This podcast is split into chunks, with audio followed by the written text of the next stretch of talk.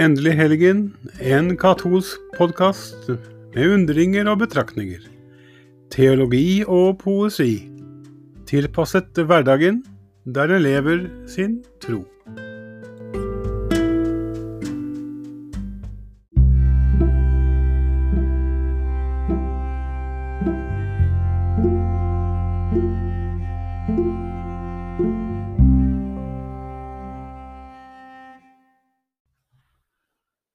Ja, hjertelig god søndag.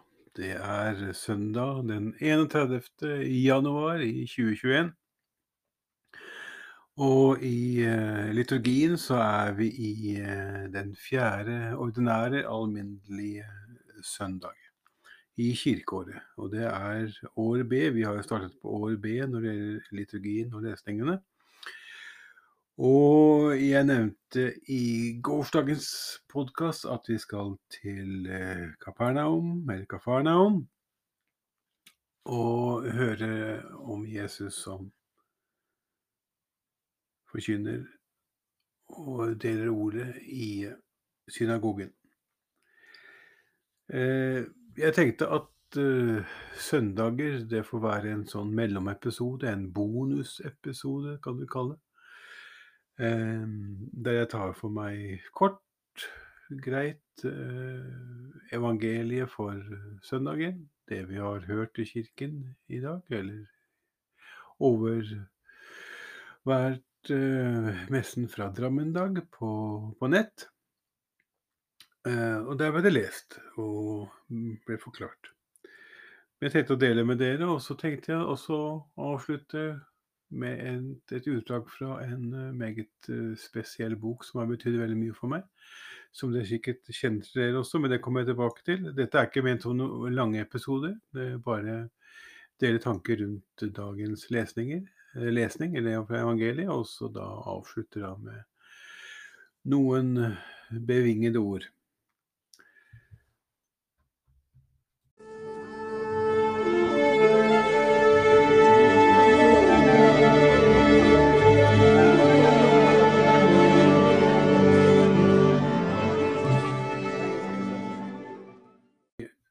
Nevnte i går at uh, Kapernaum, der har jeg vært. Vært så heldig og vært på pilegrimsreise, som sagt, til Det hellige land. Uh, og det er vel den byen som jeg husker, om ikke aller best, så, så veldig godt. Uh, for når det kommer litt ut fra Veldig befolket, veldig tett befolket. By, byene. Masse mennesker. Masse inntrykk. Det var inntrykk i Kafarnaum også, men det er litt mer ro og palmene og Det er jo en by som er utgravd, og der finner man også hjemmet til sies å si det finner da hjemmet til Peter, apostelen Peter. Og over hjemmet der så er det også bygd en meget spesiell kirke, i hvert fall i utforming. Den ble, og den blir også kalt for ufoen. For den er bygd over og ligger over hjemmet til Peter. Og der er den messen som jeg noen gang husker aller best som Patianus holdt, som da var en av prestene som var med på pilegrimen. Men vi var jo også i synagogen der, og det var lett å forestille seg Kristus undervise der. Det var liksom som å gå rett inn i synagogen da. Det manglet jo selvsagt tak, men søylene sto der. Eh, men det var som tatt ut fra tiden. Eh, så da går vi over til Markus, det minste evangeliet eh, i, eh, i Bibelen, i evangeliene. Og det er også det eldste evangeliet i, i Bibelen. Og det står da i Markus 1, 21-28. En sabbat gikk Jesus inn i synagogen i Kafarnaum og underviste. Folk ble slått med undring over hans lære, for han talte som en mann med myndighet, og ikke som de lovkyndige. Da var det nettopp i synagogen en mann som med en vanhellig ånd, som ga seg til å rope. Hva vil det oss, Jesus fra Nasaret? Er du kommet for å ødelegge oss? Jeg vet hvem du er, Guds hellige. Men Jesus befalte den skarpt, ti stille, og kom ut av ham. Da rev og slet ånden voldsomt i mannen, og for ut med et høyt skrik. Alle ble rystet og forferdet, så de begynte å spørre hverandre hva dette ville kunne være, en ny lære, og det med myndighet bak seg. Til og med demonene må jo lystre han når han befaler, og hurtig spredte ryktet om ham overalt over hele Galilea. Mange innfallsvinkler her, men det som jeg la merke til, det er at uh, Jesus Vi skulle tro at Jesus snakker til mannen. Det er mannen som har feil, det er mannen som er ond, det er mannen som er den som taler, og som da reagerer. Men Kristus snakker jo ikke til mannen, han snakker til ånden. Den onde ånd som da har tatt bolig i han. Kristus ser mannen, mannen lider. Jeg må ha sett at mannen lider. Og vi må passe på at vi løser Altså finne ikke feine feil hos personen, men finne feil i det som da gjør at personen har det vondt. Dette er veldig komplisert, og jeg skal ikke legge noe voldsomt ut i det, men det er bare artig å legge merke til at Kristus kommuniserer med den, da, den onde den ånden som har besatt ham. Dette kan jo virke litt fjernt i 2021, onde ånder og besatt og sånt noe. Det er altfor mye misforstått, og det er altfor mye brukt i moderne eh, film, eh, populærkultur. Veldig misforstått. Eh, og altfor mye dårlige eksempler på det å forstå dette. Er riktig. Men jeg nevnte også i går at eh, Kristus, siden vi ikke nå samles i kirkene, i våre gudshus, så var det da at Kristus kom til synagogen. Han kom til en hellig bolig. Han skulle dele fra Skriften, hellige ord. Han var hellig. Han skulle delta i en hellig forsamling. Men også i den hellige forsamlingen så var det da en, en mann som var besatt av en ond ånd. Kom den ånden i han under Unnskyld. Under gudstjenesten? Det vet vi veldig lite om, men Jesus ser problemet han ser mannen som lider. Og det er viktig å forstå at vi alle kan ha personer rundt oss som har det vondt, men vi må se mennesket, og så må vi prøve å finne løsningen på hva som er problemet. Det er mange måter å drive ut på det, og vi har jo lært mer nå i, i vår tid hvordan vi kan hjelpe hverandre. Det tenkte jeg også det skulle være da det som er um, det bevingede ord, som jeg sa, fra boken jeg skal lese for. Så jeg skal legge bort uh, uh, Markusevangeliet, og så skal jeg finne fram boken.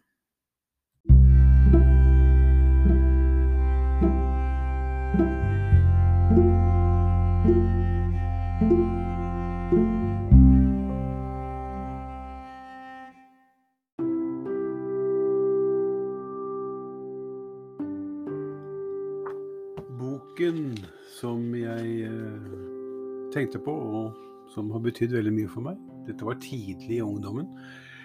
Det var eh, Corrie ten Bom. skjulestedet. Eh, annen verdenskrig har alltid vært et tema som har opptatt meg. Det er masse, mange menneskeskjebner der på begge sider. Allierte fra Axis-maktene. Okkupanter, allierte, befriere.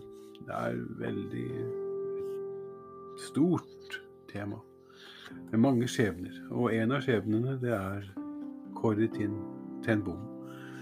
Hun var jo en kristen kvinne. Familien tok vare på og var et tilfluktssted for jødiske flyktninger i Nederland, Holland, under annen verdenskrig. Men de ble jo da angitt, eh, arrestert og sendt i konsentrasjonsleir. Med tragiske følger. Etter krigen så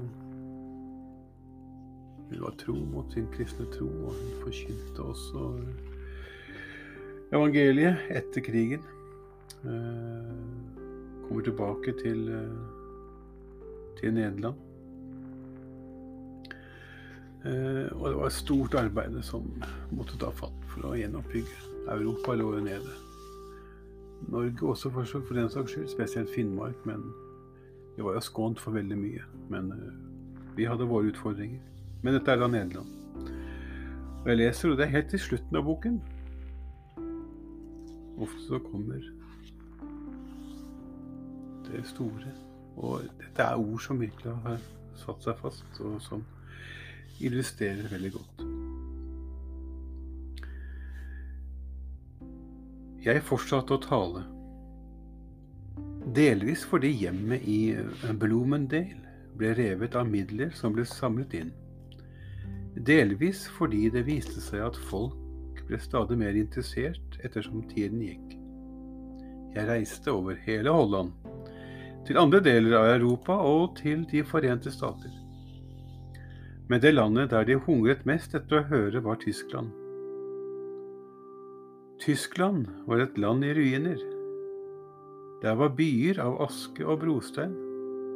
Men det som var langt mer skremmende, var alle sinnene som var lagt i aske. Straks hun kom over grensen, følte en den tunge byrden som hang over landet.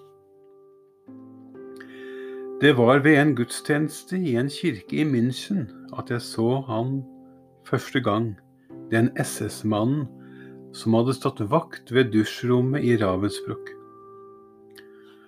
Han var den første av våre virkelige fangevoktere jeg hadde sett siden den gang.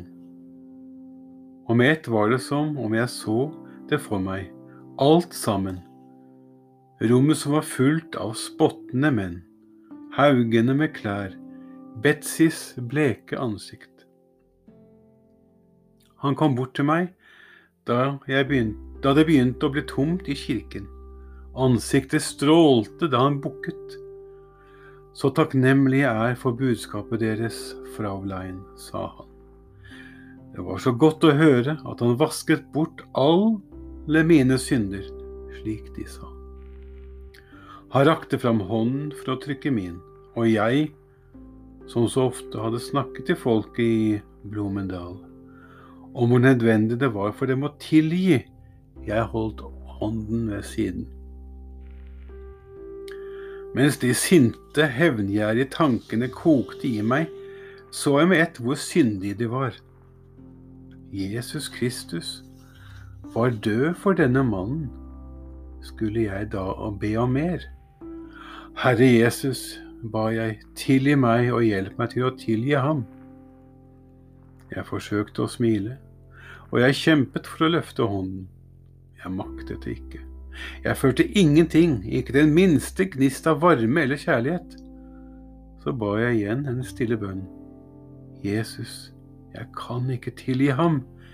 Gi meg din tilgivelse.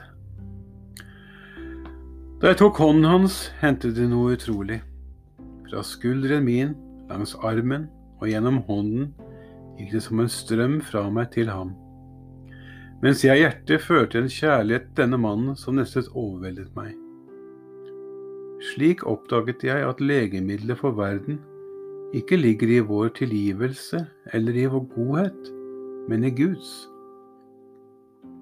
Når han sier at vi skal elske våre fiender, gir han oss ikke bare befalinger, men også kjærligheten. Det var brukt for mye kjærlighet. Det etterkrigens Tyskland hadde mest behov for, var hjem. Det ble sagt at ni millioner mennesker ikke hadde noe hjem. De bodde i ruinhauger, i halvt ødelagte bygninger og i forlatte lastebiler som hæren hadde hatt.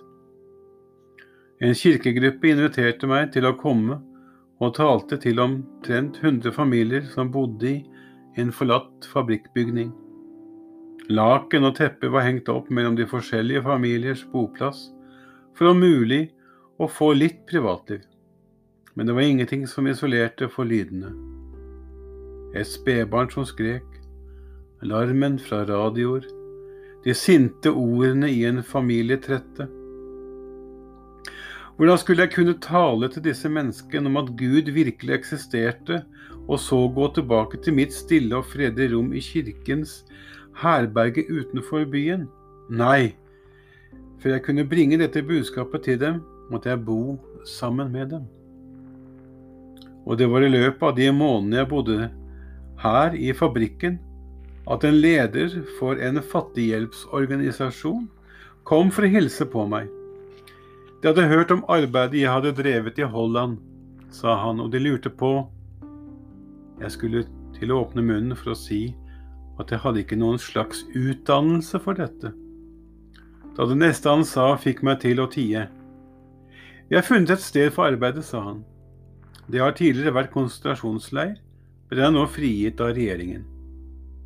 Vi kjørte til Darmstadt for å se på leiren. Ruller av rusten piggtråd lå fremdeles omkring den. Jeg gikk sakte bortover til en sti mellom triste, grå bygninger. Jeg skjøv opp en knirkende dør og gikk inn mellom rekken av metallsenger. Blomsterkasser, sa jeg. Det må vi ha i hvert eneste vindu.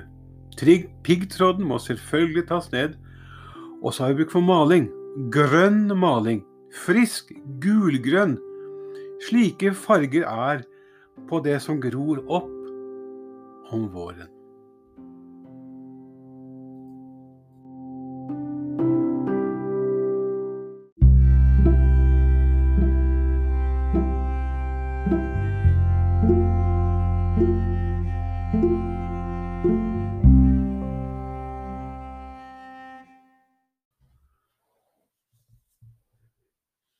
Så langt eh, Kåre eh, Bom og boken 'Skjulestedet'. Det var hennes erfaring. Hennes erfaring med kjærlighet og tilgivelse. En ultimate tilgivelse. Tilgi sin egen bøddel, sin egen torturmester. Den som har utført, som påført så mye smerte. Men denne mannen da som var besatt, som Jesus da drev ut en, en ond ånd Jeg tror vi ser på dette her som en mulighet av en maktdemonstrasjon for Jesus. Jeg har myndighet, og det hadde han. Han hadde myndighet til å gjøre, gjøre det. Og det fins godt og ondt, det fins makter, det fins godhet, og det fins øh, vondt. Eh, men jeg tror for oss så tror jeg at vi kan oppnå veldig mye av det som Kristus oppnådde med. Men nettopp kjærlighet. Det var det Kristus også kom for. Det var for å vise kjærlighet, menneskene kjærlighet, at vi skulle elske hverandre. Se det gode i hverandre. Se forbi feilen vi har, vi har. Men også ta tak i det som er våre feil, og gjøre det beste ut av det. Og gjøre det oss til bedre mennesker. At vi gjør det med Guds hjelp. Eh, og i vår iver for å forandre andre, eller for å forandre verden, så er det ikke noe som kan Dette er ikke noe som kan bevilges fra noen myndigheter. Så og så mange millioner til eh, kjærlighet, kjærlighetsarbeid. Men at vi har et ansvar, vi, å tilgi hverandre. Eh, nå ut med en hjelpende hånd, godhet, overbærenhet. Jeg tror at dette her å gjøre sånne ting, små, enkle ting. Ja, ja, du kan si det virker veldig banalt, og ja, ja, dette er veldig sånn veldig enkelt sånn å høre om på en søndag og være veldig veldig oppstemt på det, men det som Kåre Ten Bom erfarte, det var ikke noe glansbilde søndag i et bedehus. Det var en øh, Det var øh, kummerlige forhold. Hun bodde selv på en fabrikkbygning for å erfare hvordan det var å være bostedsløs. Så hun erfarte hvordan krigen satte spor, og hvordan dette her brakte menneskene ned i fortvilelse og fattigdom. Og da kommer da en av fangevokterne bort. Da fikk hun erfaring med Guds tilgivende kjærlighet. Det er ikke opp til oss, det er opp til Gud. Og kan vi ta med de tankene inn i en ny uke? Søndag, hvis for kirkeåret, er jo da søndag. Det er ukens første dag. Om vi ser på kalenderen, den vanlige kalenderen, så er det ukens siste. Men søndagen er jo begynnelsen på en uke, på noe nytt. Så vi kan ta med oss det jeg skal prøve på det. Skal du også prøve på det, så kan vi være litt godere mot hverandre. Litt, litt bedre mot hverandre. Det fortjener vi alle, og med det så er mye gjort. Jeg ønsker for fortsatt en god søndag. Det er nydelig vær ute, og det er fortsatt ikke stengt av myndigheter og regjering at å gå ut. Så for dere som har anledning til det, og liker litt kulde og har klær til det og er godt kledd, jeg ønsker dere en god søndag, god tur, og les gjerne i fra dagens evangelium. Da er vi også i Kapernaum, og det kombinert med en tur ut kan gjøre godt. Ha en riktig god søndag og en god uke. Vi snakkes.